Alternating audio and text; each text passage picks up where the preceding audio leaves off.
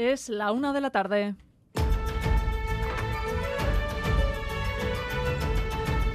Crónica de Euskadi con Irache Ruiz. Ah, pues que hace mucho calor, claro que no, que no nos gusta eso. Eh, 39 grados a las 4 de la tarde más o menos, es lo que me han dicho. Yo voy a estar en casa metida. Es o eso o mm, irte a las piscinas de aquí. Fatal, no deja dormir, ¿verdad? ¿Verdad? Claro, no deja vivir y para la gente fa- mayor muy mal. Con 26, 27 grados está bien. Es suficiente. Es suficiente. A Rachaldeones 17 de agosto debería hacer calor, pero lo que hoy comienza es la cuarta ola de temperaturas extremas. Mañana se podrían alcanzar los 35 grados en nuestra costa, activado desde esta hora el aviso amarillo que en Navarra se ha elevado a alerta naranja. Laudio marcó la semana pasada la máxima histórica en Euskadi, rozaron los 44 grados. Abrimos línea ya con esa localidad alavesa. Eder Carrero, ¿en cuánto está ahora el mercurio? Pues aquí en el audio marca los 32 grados agradables en comparación con lo que marcarán esos mismos termómetros durante la tarde. Según las previsiones alcanzarán los 37 grados, un calor extremo continúan subiendo, por tanto, y a cada hora se va notando esa sensación térmica va siendo mayor. Por ello la gente aprovecha, lo escuchábamos las horas previas, para pasear, tomar algo en la terraza, en la sombra, sin duda, porque nos cuentan que agobia, que no están acostumbrados y que lo están pasando mal. Cerca de la costa, gracias a la brisa, las temperaturas no superarán hoy los 30 grados, pero en el interior de Vizcaya, Guipúzcoa y Araba los termómetros llegarán a los 38 grados y se mantendrán en esos valores todo el fin de semana.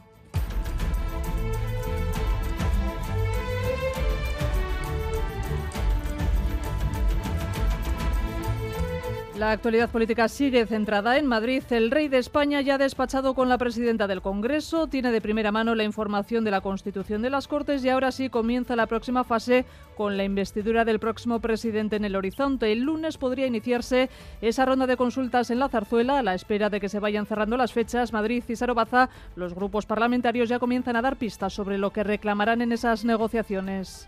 Eso es, tras la reunión con Francina Armengol, el rey ya tiene día libre para empezar la ronda de contactos de cara a la investidura. Zarzuela dará a conocer este mediodía la agenda de Felipe VI de los próximos días. Aún así, los grupos ya miran a las negociaciones. PSOE y Sumar no esconden su victoria. A Sánchez se le allana el camino para prolongar su estancia en Moncloa, pero sus socios, sin dar pistas, eh, avisan que la exigencia, que la verdadera negociación empieza ahora. Los populares, entre tanto, no se rinden y siguen insistiendo que la investidura debería ser suya. Junts y Esquerra insisten en que ese sí a Francina Armengol ya ha caducado, que la investidura toca negociarla en las próximas semanas.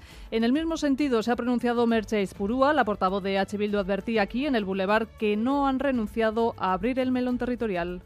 Creo que esta va a ser la legislatura de la plurinacionalidad. La presencia de las naciones sin Estado es, además de importante, es determinante. ¿no? Y esto el Estado español lo tiene que tomar en cuenta. Lo vamos a hacer sin prisas, sin urgencias, pero paso a paso y, haciendo bien las cosas. ¿no? En ese sentido, tampoco vamos a poner sobre la mesa ni vamos a explicitar qué es lo que queremos, no lo hacemos nunca. Y en paralelo a esos movimientos en Madrid, los 13 consejeros del gobierno de María Chivite ya han prometido su cargo en el Palacio de Navarra, un sobrio acto en el que la presidenta socialista dejaba esta declaración de intenciones. Y eso también es ser un gobierno en la centralidad, un gobierno alejado de sectarismos, de intereses particulares, de personalismos, con una mirada extensa que trasciende a ideologías porque encuentra, aún en la diferencia, aquello que nos une.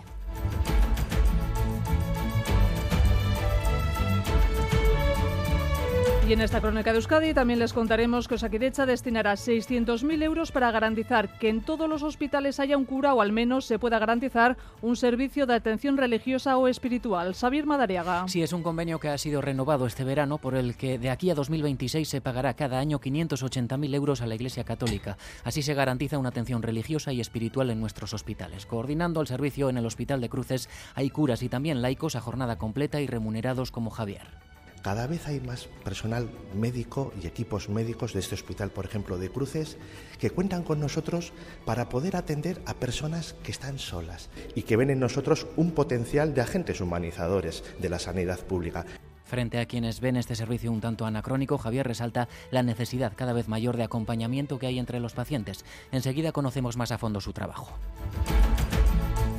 Traca final para la Astenagusia de Donostia que acabará mañana. Penúltimo día de fiestas tras la noche más tranquila de toda la semana. Se han registrado cuatro detenciones por robos y hurtos. Hoy fuegos con la pirotecnia ganadora del año pasado. Mañana tomará el testigo la Semana Grande de Bilbao con la vista puesta precisamente en los fuegos artificiales después del incendio que produjeron la última edición. Habrá más policía municipal que nunca y las medidas de prevención están en orden, según la concejala de Seguridad, Amaya Arregui. Está todo preparado, unas medidas que entendemos que minimizan el riesgo que puede conllevar unos fuegos artificiales, la vez que más gente íbamos a tener en Astenagusia por parte de la Policía Municipal de Bilbao. Y esta noche en la quincena musical, segunda gran cita sinfónico-coral de esta edición, más de 400 personas participarán en la representación de la Sinfonía número 8 de Mahler y en la que por primera vez se reunirán la Euskadico Orquestra y la Orquesta Sinfónica de Navarra. Patrick Alfaya, director de la quincena. Es la segunda vez que se hace esta obra en quincena. En sus 84 años eh, se ha hecho dos veces. Bueno, se ha hecho, se ha hecho una y esta la, segunda, se hizo en el 2005. De ese concierto tengo un muy buen recuerdo porque se oía muy bien. Es decir, el Cursal es una sala que permite que se oye con claridad todos los colores y se escuche a solistas, orquestas, eh, los coros con mucha claridad, de una manera diáfana, cosa que no ocurre en todas las salas. También en esta portada, titulares del deporte, César Pérez Gazola, Zarracha León. Arrachado en Irache, hoy viernes es víspera del primer derby de la temporada. Mañana por la noche, en el Sadar, en Iruña, Osasuna Athletic. Los navarros, en la última hora, pasa por la lista de 23 jugadores, eh, sin los lesionados eh, Barja y Darko Brasanac. Eh, los bilbaínos que se van a entrenar por la tarde en Lezama, no parece que Chingón y Valverde pueda contar ni con Geray, ni con Yuri, ni tampoco con Dani García, tampoco con Perú Nalascoain con un esguince de rodilla. Y la Real Sociedad, que también juega mañana, sábado, los Donostiarras reciben en la noche al Celta pendientes ahora de la llegada a Donostia su último fichaje, el futbolista ruso Arsen Sakarian, después de que ayer ya se cerrasen todos los flecos pendientes con sus agentes y con el Dinamo de Moscú. Un futbolista, Sakarian, por el que la Real va a pagar 12 millones de euros más variables y va a firmar un contrato de cinco temporadas. Y en carreteras varios puntos a tener en cuenta. Saray Pérez. Así es, en la AP8 en Irún, sentido Bayona, se registran ahora mismo 4 kilómetros de retenciones por afluencia de tráfico. También en la AP8 en Mendaro, sentido Donosti, un camión averiado ocupa el carril derecho, lo que está causando 9 kilómetros de retenciones. Y en la N1 en Idiazábal, sentido Gasteiz, a estas horas otro camión averiado ocupa un carril. Por el momento no se registran retenciones, pero precaución en ese punto. Paula Sensi y José Ignacio Revuelta en la dirección técnica, Ainhoa Iglesia en la coordinación técnica. Comenzamos.